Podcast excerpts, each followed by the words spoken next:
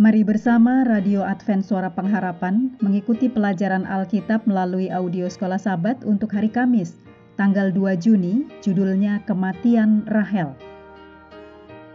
Mari kita mulai dengan doa singkat yang didasarkan dari Mazmur 41 ayat 14. Terpujilah Tuhan Allah Israel dari selama-lamanya sampai selama-lamanya. Amin ya amin.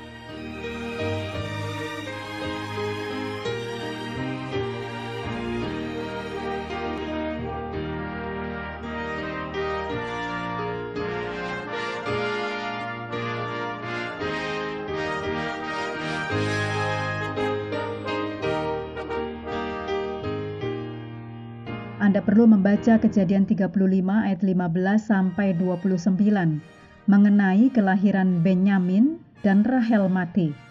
Untuk melihat penderitaan berikutnya yang dihadapi Yakub dalam keluarganya yang tidak normal.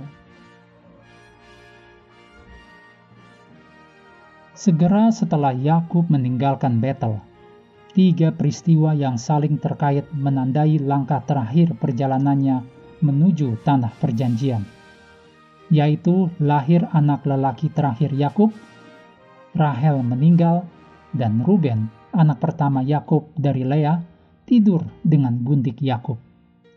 Meskipun ayat Alkitab tidak menjelaskan mengapa pemuda Ruben melakukan sesuatu yang begitu jahat, bisa jadi dia entah bagaimana ingin mencemari kelahiran anak lelaki terakhir Yakub dan mempermalukan ingatan akan Rahel kita tidak tahu.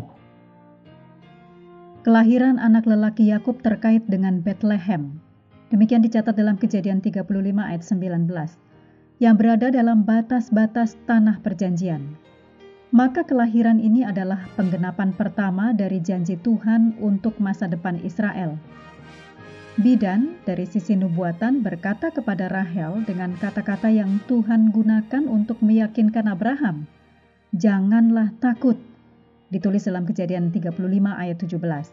Juga sebelumnya ditulis dalam kejadian 15 ayat 1.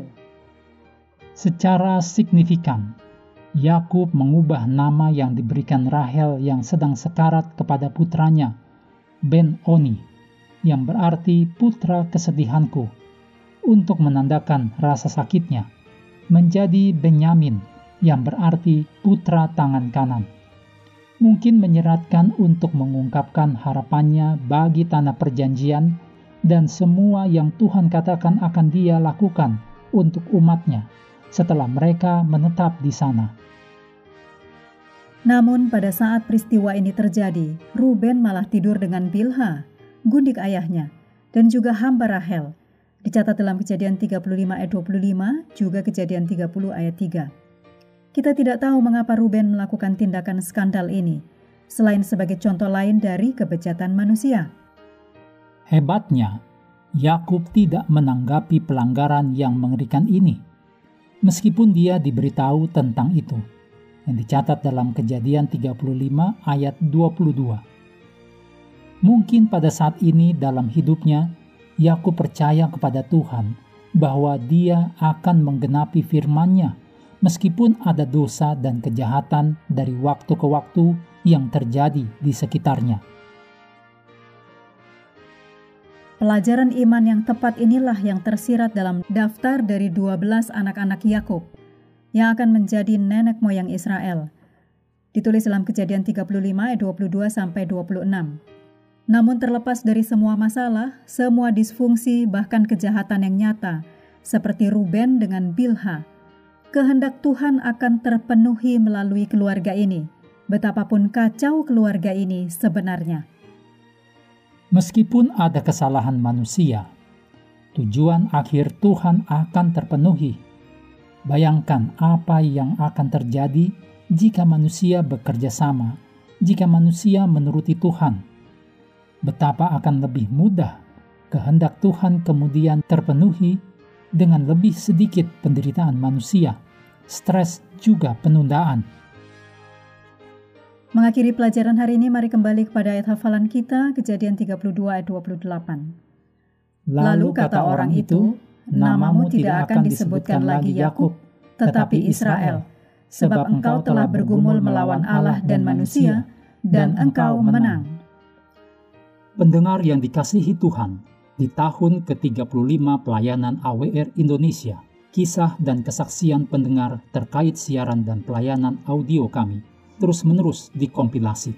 Terima kasih banyak untuk yang sudah menyampaikan dan masih terbuka bagi Anda semua untuk segera SMS atau telepon ke nomor AWR di 0821 1061 1595 atau 0816 1188 302 untuk WhatsApp dan Telegram. Kami tunggu para pendengar dukungan Anda. Hendaklah kita terus tekun mengambil waktu bersekutu dengan Tuhan setiap hari bersama dengan seluruh anggota keluarga. Baik melalui renungan harian, pelajaran sekolah sahabat, juga bacaan Alkitab sedunia, percayalah kepada nabi-nabinya yang untuk hari ini melanjutkan dari bilangan pasal 23. Tuhan memberkati kita semua.